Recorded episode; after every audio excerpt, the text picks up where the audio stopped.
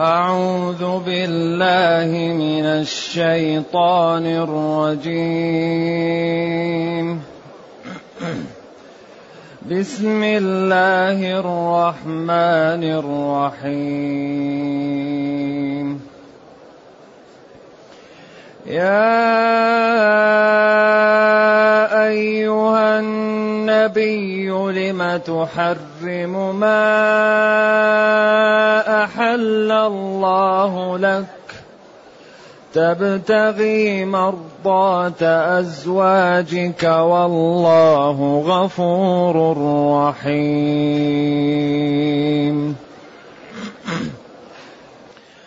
قد فرض الله لكم تحلة أيمانكم والله مولاكم والله مولاكم وهو العليم الحكيم. وإذ أسر النبي إلى بعض أزواجه حديثا فلما نبأت به وأظهره الله عليه عرف بعضه وأظهره الله عليه عرف بعضه وأعرض عن بعض فلما نبأها به قالت من أنبأك هذا؟ قالت من أنبأك هذا؟ قال نبأني العليم الخبير إن تتوبا إلى الله فقد صغت قلوبكما. إن تتوبا إلى الله فقد صغت قلوبكما. وإن تظاهرا عليه فإن الله هو مولاه فإن الله هو مولاه وجبريل وصالح المؤمنين والملائكة بعد ذلك ظهير. عسى ربه إن طلقكن أن يبدله أزواجا. أن يبدله أزواجا خيرا منكن خيرا منكن مسلمات مؤمنات قانتات. مؤمنات قانتات تائبات عابدات عابدات سائحات ثيبات وأبكارا يا أيها الذين آمنوا قوا أنفسكم وأهليكم نارا.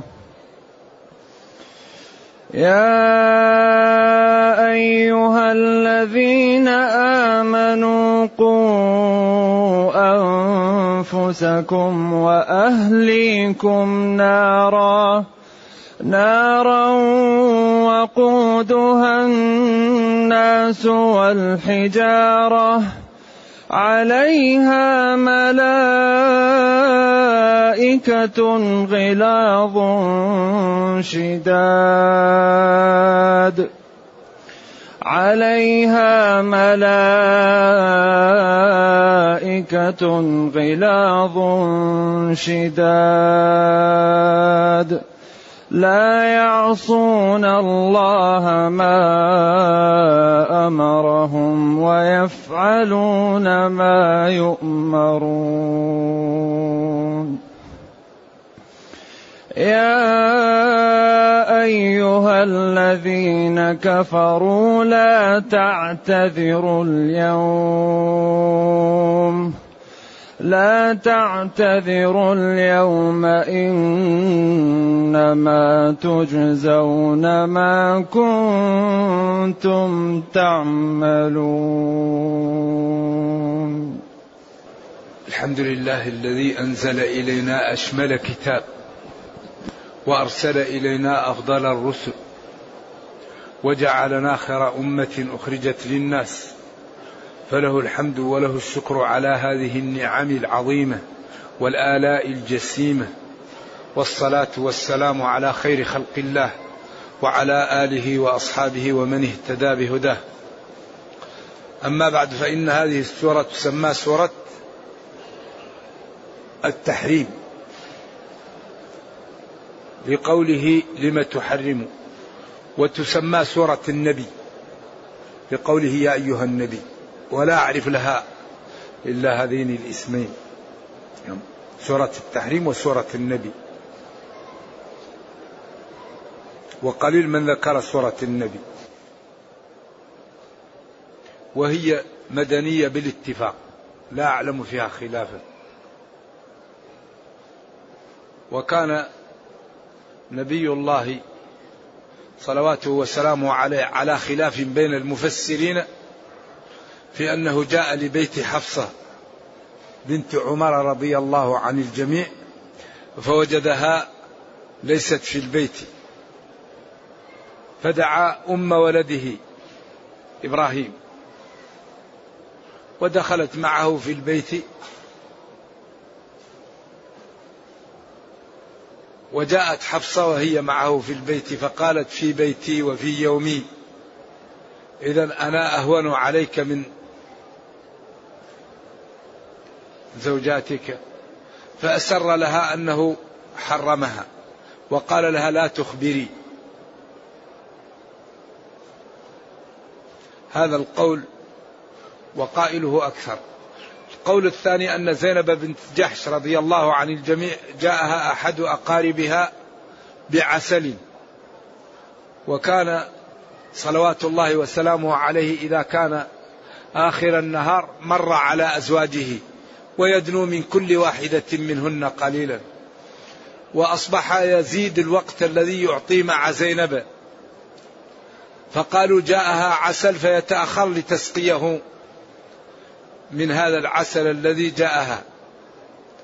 فاتفقت عائشة وحفصة وسودة ومعهم رابع على أنهم إذا درى منهم يقولون أكلت مغافير؟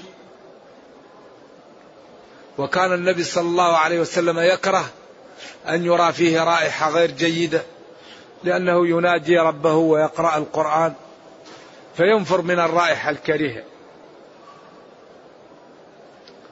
فلما قرب من إحداهن قالت حفصة لأنها تخاف سودة تخاف من عائشة قالت كدت أن نقول له قبل أن يقرب مني للخوف من عائشة سودة تقول.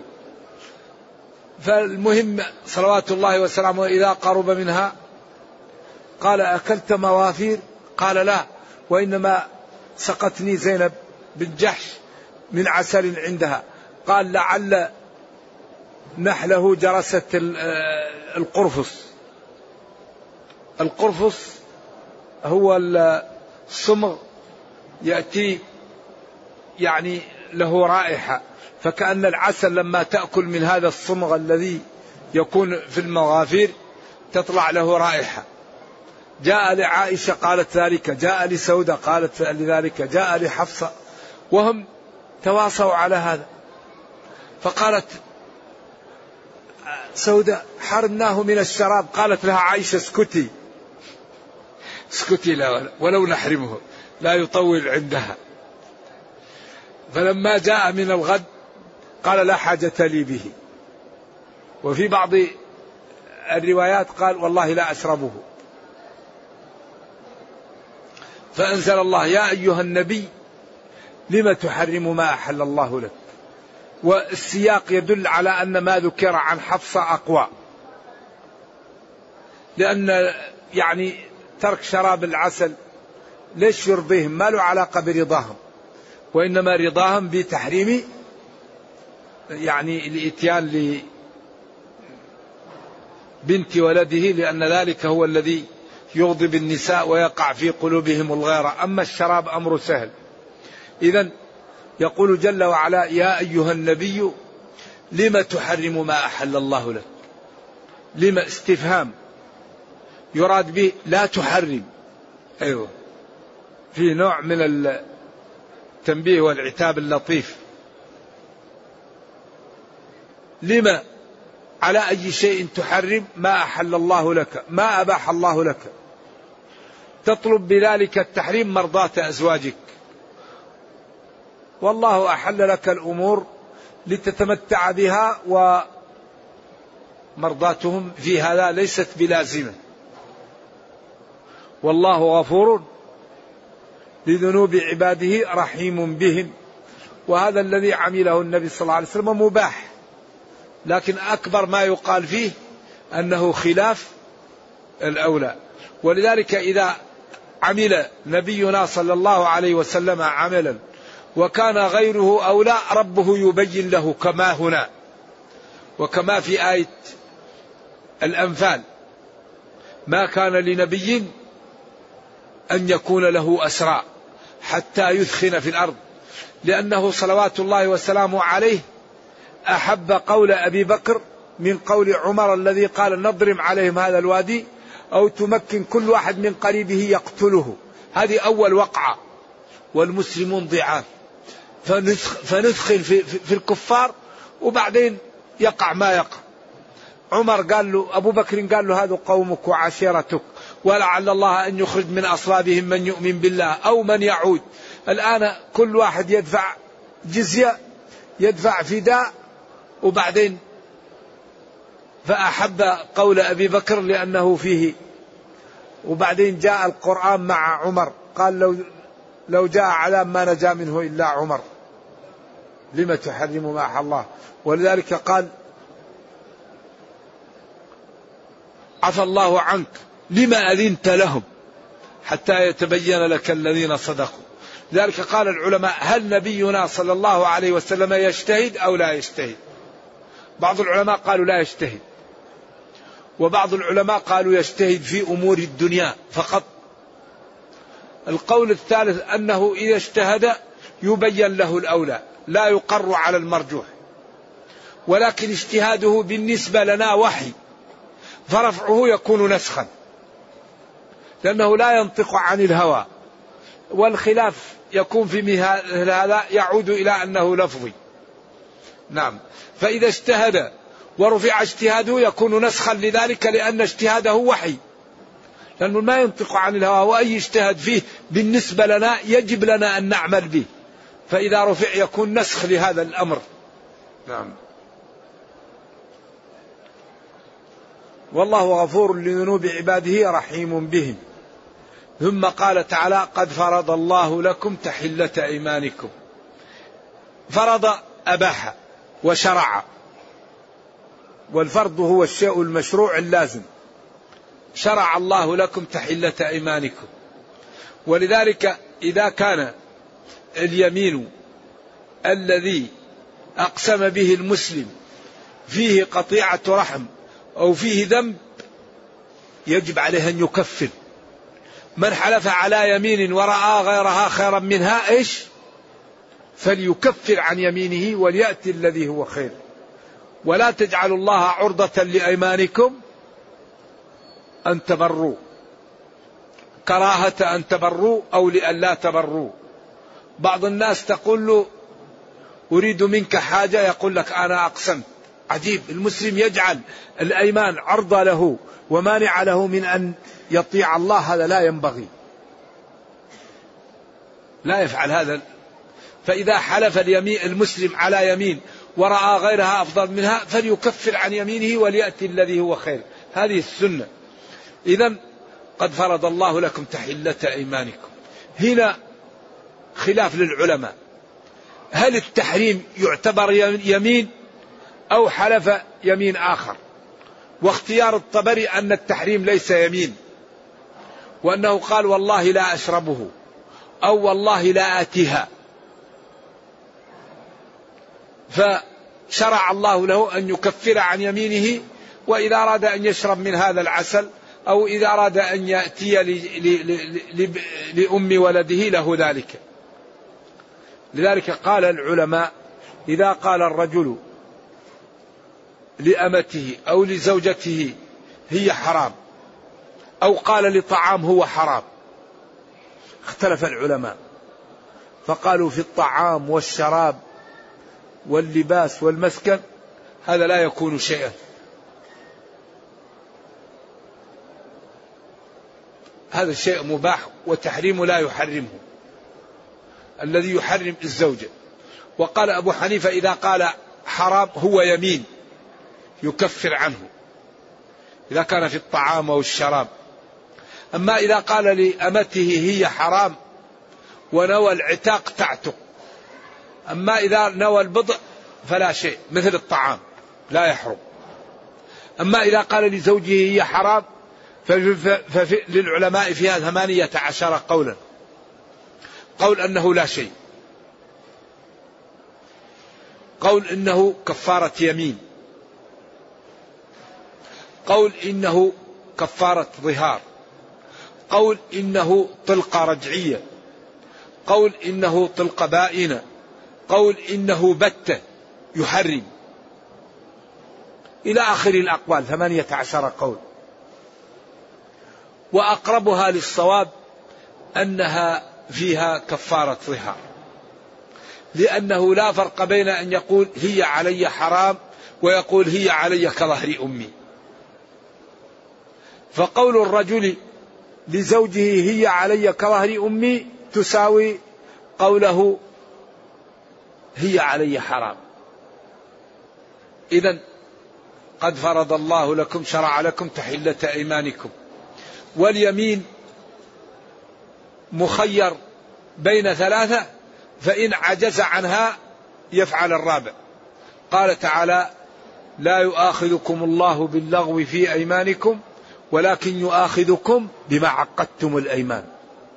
إذا قال العبد لا والله أو بلا والله وهو لا يعقد لغو اليمين لا يلزم.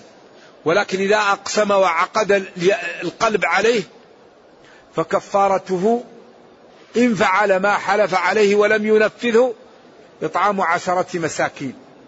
من أوسط ما تطعمون أهلكم لا راقي ولا دني. أو كسوتهم.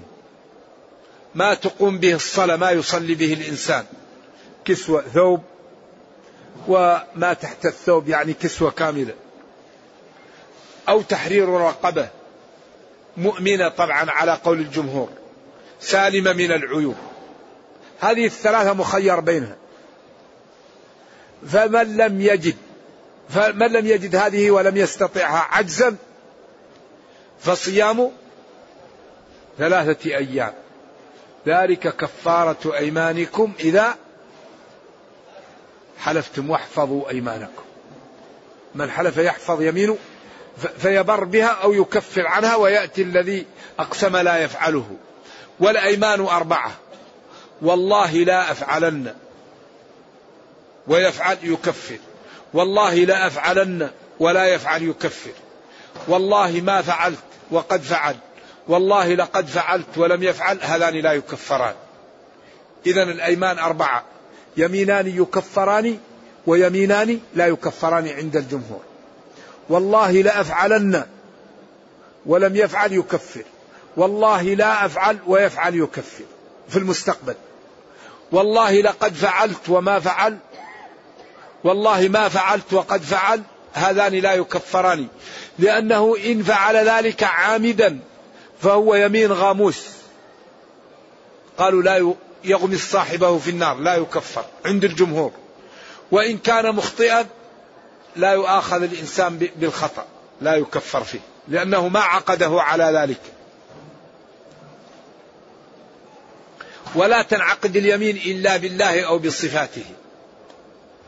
من كان حالفا فليحلف بالله أو ليصمت. لا يجوز الحلف إلا بالله أو بصفاته. العزيز. أما غير الله وصفاته فلا يقسم به. نعم. إذا يقول جل وعلا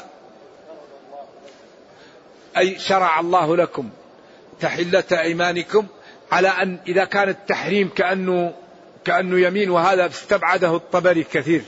نعم. فيكفر عنه. وإذا كان المقصود أنه صلوات الله وسلامه عليه يعني أقسم لا يفعل الله أباح له تحلة اليمين.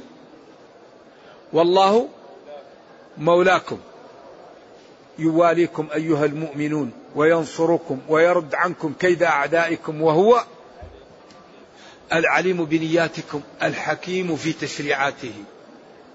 فهنيئا للمطيعين ويا ويح العاصين. واذكر يا نبيي أو يا مخاطب. وقت اصرار النبي إلى بعض أزواجه حديثا. أقوى شيء أنها حفصة. كما ذكرنا أنه جاءها اللي هي أم ولدي جاء أم ولده في بيتها وجاءت. فقال لها حرمتها. وقيل أخبرت حفصة عائشة فلحت عليه عائشة فحرمها فجاءت الآية. وإذا سر النبي إلى بعض أزواجه وهي حفصة حديثا وهو تحريمه ما أحل الله له على الأقوال في ذلك. فلما نبأت به حفصة عائشة. وأخبر الله نبيه بما نبأت به حفصة عائشة. عرفها وعلمها ببعض ما قالت وإيش؟ وأعرض عن بعضه. وقيل عرفها أي عاقبها على بعض ما قالت ولم يعاقبها على بعضه. على القراءات في عرف التي اختلفت المعاني فيها. عرفه إذا جازاه بفعله. تقول لأعرفنك ما فعلت أي أجازيك عليه. عرفها يعني يعني جازها بإفشائها لسره بأن طلقها تطليقا. وقيل عرفها أخبرها بما قالت ببعض ما قالت لعائشة وأعرض عن بعضه لم يخبرها به. تكرما وعدم بيان كل شيء وإنما بين لها جانب من خطئها وعندما حصل هذا طلع النبي صلى الله عليه وسلم على مشربة له في بيته محل فوق يحط فيه الأطعمة وجلس فيه وقالوا في المسجد طلق النبي صلى الله عليه وسلم زوجاته. وجلس واتوا الناس واجتمعوا عند الباب فلم يؤذن لأحد حتى جاء أبو بكر فأذن له. ثم جاء عمر ووقف عند الباب واستأذن فلم يؤذن واستأذن. ثم رفع صوته فأذين له. فقال عمر لأقولن شيئا الآن يضحك رسول الله صلى الله عليه وسلم. فقال إن زوجي الآن كانت تطلبني النفقة فأردت أن نوجع عنقها. فتبسم النبي صلى الله عليه وسلم وقال هؤلاء يلحون علي يريدون النفقة. وكان النبي صلى الله عليه وسلم الأمور ليست مثل هذه النعم التي بسطها الله علينا ولا بسطها عليهم في آخر أيام النبي صلى الله عليه وسلم. فقال هؤلاء فنزلت الآيات وقال النبي صلى الله عليه وسلم قال له أنت طلقت نساء قال لم أطلقهن. قال تأذن لي في أن أخبر الناس قال نعم. فخرج عمر وقال لم يطلق النبي صلى الله عليه وسلم زوجاته ففرح الناس بذلك ونزلت الآيات تبين.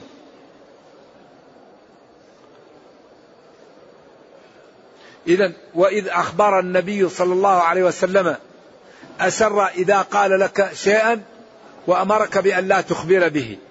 إلى بعض أزواجه حديثا وهو إما تحريم الزوجة وهو الأقوى أو تحريم العسل. فلما نبأت به أخبرت حفصة عائشة أظهره الله أخبر الله نبيه بما قالت. وأعرض عن بعض. ترك بعض. فلما نبأها به أخبر النبي حفصة عما قالت. قالت من أنبأك هذا؟ تظن أنها عائشة. قال نبأني العليم الخبير العليم الذي لا يخفى عليه شيء ولا يعزب عنه مثقال ذرة في السماوات ولا في الأرض. الخبير بما في قلوب عباده وفيما في خفايا أمورهم فكيف بما يظهر؟ ثم قال الله لهم إن تتوبا إلى الله حفصة وعائشة فقد صغت مالت قلوبكما إلى شيء خطير وهو الإخبار بما لا يحب رسول الله صلى الله عليه وسلم أن يخبر به ولا أن يفشى. فقد صارت قلوب مالت قلوبكما إلى ما لا يحب رسول الله صلى الله عليه وسلم وهو إفشاء سره وإخبار ما استكتمك استكتمك عليه. وإن تظاهرا عليه تتعاونا عليه وتجتمعا على منعه من الشرب وأذيته فإن الله هو مولاه هو الذي يواليه والذي يواليه الله لا طاقة لأهل الأرض به. وجبريل وصالح المؤمنين أبو بكر وعمر والملائكة بعد ذلك ظهير يعضدون. إذا لا تقدرون عليه. لا تقدرن عليه. صلوات الله وسلامه عليه لأن الله مولاه. وصالح المؤمنين وجبريل والملائكة بعد ذلك يعضدون. ظهير. ثم بين خوف الله زوجاته من أنهن إذا لم يتأدبن فعسى ربه إن طلقكن أن يبدله يعوضه أزواجا خيرا منكن أفضل منكن. مسلمات يعني مستسلمات منقادات. مؤمنات مليء قلوبهن بخوف الله وبالعمل بشرع الله. عابدات يعني رجاعات عن ما لا يجوز ممتثلات لأمر أزواجهن ولأمر الشرع. أيوه منقادات يعني لا يفعلن إلا يعني منقادات لربهم ولما أمرهن به. صائمات أو منقطعات للعبادة. سائح هو الشخص الذي صائم أو الذي انقطع للعبادة. ساح ابتعد عن الناس وأصبحت حياته للعبادة. يقال له سائح. من هؤلاء التي عوضه الله عنكن ثيبات وهن اللاتي تزوجن طبعا ودخل بهن أزواجهن وتركنهن. نعم. وأبكارا وهن العذارى التي, التي لم يتزوجن. قيل هذه الواو واو الثمانية. وقيل الواو الثمانية هذه غير موجودة. قال واو الثمانية لأن هي قال قانتات تائبات عابدات سائحات ثيبات. عسى ربه إن طلقكن أن يبدله أزواجا خيرا منكن. مسلمات مؤمنات قانتات تائبات عابدات سائحات ثيبات وأبكارا هي الثامنة. وقال هناك ويقولون سبعة وثامنهم يقولون إن واو الثمانية ولكن النحاة ينفو يقول هذه ليست في اللغة وإنما هذه واو عطف لأن هذا لا يستقر. نعم. ثم قال يا أيها الذين آمنوا قلنا تشمل 11 جملة. قوا أنفسكم وأهليكم نارا. قوا من وقاية قي قوا أصلها إيوقوا لكن وقع فيه إعلال. أنفسكم نفس الإنسان هي ذاته. وأهل هم أزواجه وأولاده هذا يقال لهم أهل الإنسان. نارا. وقيها يكون بما لا بامتثال الأوامر واجتناب النواهي. بما يقي الإنسان نفسه أن يمتثل الأوامر ويجتنب هذا هو الذي يقي الإنسان به نفسه. لا يرى حيث نهي ولا يتخلف حيث أمن. هذا هو الذي يقي العبد به نفسه. أمرت بغض البصر غض البصر. أمرت بك ترك الكلام أترك الكلام. أمرت بالقيام قم. أمرت بالقعود قعود أمرت بالبذل أبذل. أمرت بالمنع أمنع. هذا هو الذي يقي العبد به نفسه. يقي المسلم نفسه بطاعة الله. طاعة الله تكون بامتثال أوامره واجتناب نواهيه. الأوامر كثيرة والنواهي كثيرة. فما أمرت به مثل وما, وما, وما نهيت عنه كف عنه. هذه هو أن يقي العبد نفسه بذلك. وأهليكم بأن تعاملوهم تعلموهم الواجب وتأمرهم باتباعه. وتعلموهم الحرام وتحذروهم من إيش؟ من سلوكه. لأننا نحن جميعا لا نهتدي إلا بذلك إلا أن نعمل ونبين للناس. لا اهتداء إلا بالأمر بالمعروف والنهي عن المنكر. لا يضركم من ضل إذا اهتديتم. الاهتداء أن نأمر بالمعروف ونهي عن المنكر. لكن في ضوء الدين نأمر بالمعروف في ضوء المعروف وننهى عن المنكر في ضوء المعروف في ضوء الشرع. لا واحد يأمر بالمعروف يسوي مضاربة. يسمع حي على الصلاة يرفع ثيابه يجري لا. هذا إذا أتيت للصلاة أتها ولا تأتوها وأنتم تسعون. أتوها وعليكم السكينة. فينبغي أن نعمل السنة في السنة. ما نعمل السنة في ضوء غير السنة. ولكن ينبغي أن أن نعمل بالشرع في ضوء الشرع. إذا قوا أنفسكم وأهليكم نارا عظيمة نارا عظيمة نارا لا مثيل لها.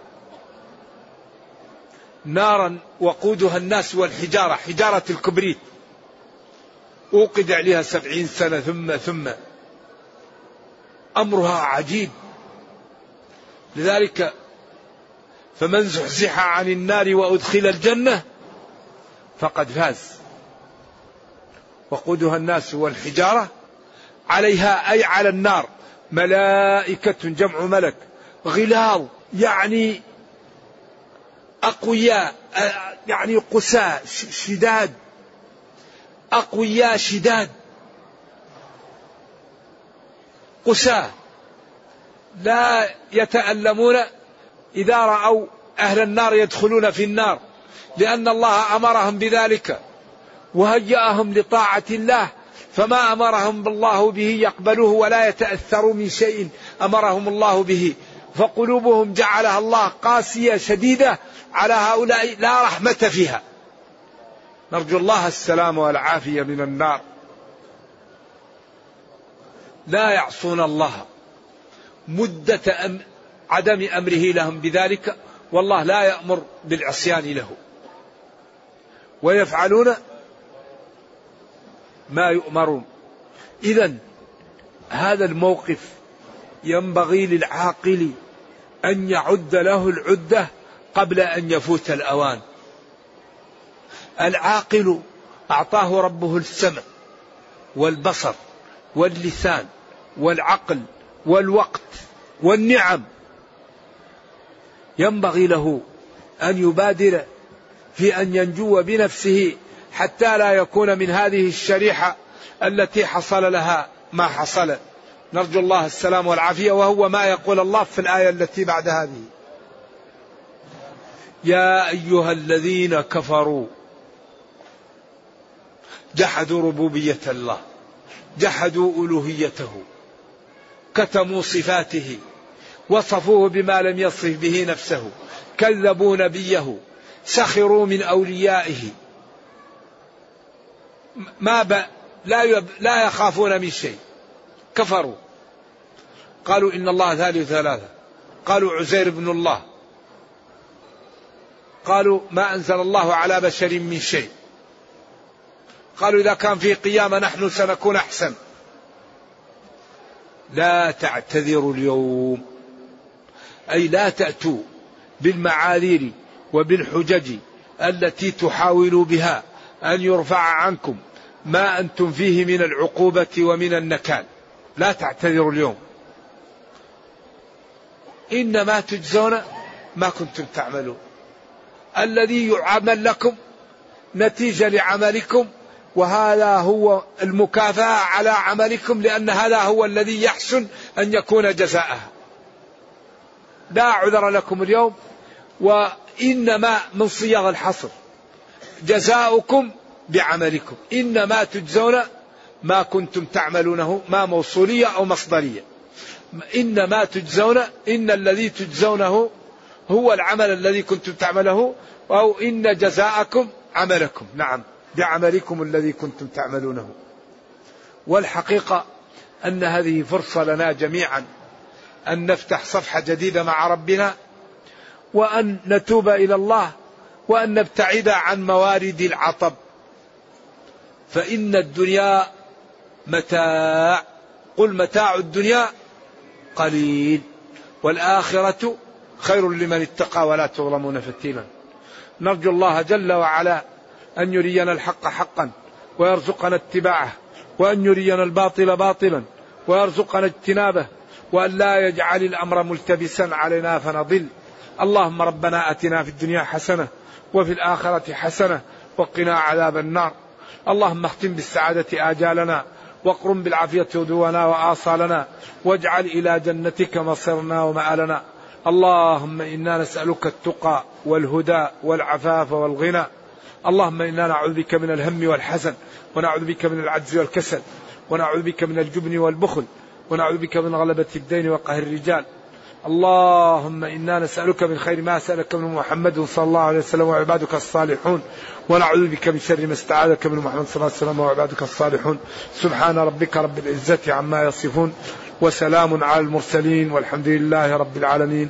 وصلى الله وسلم وبارك على نبينا محمد وعلى آله وصحبه. والسلام عليكم ورحمة الله وبركاته.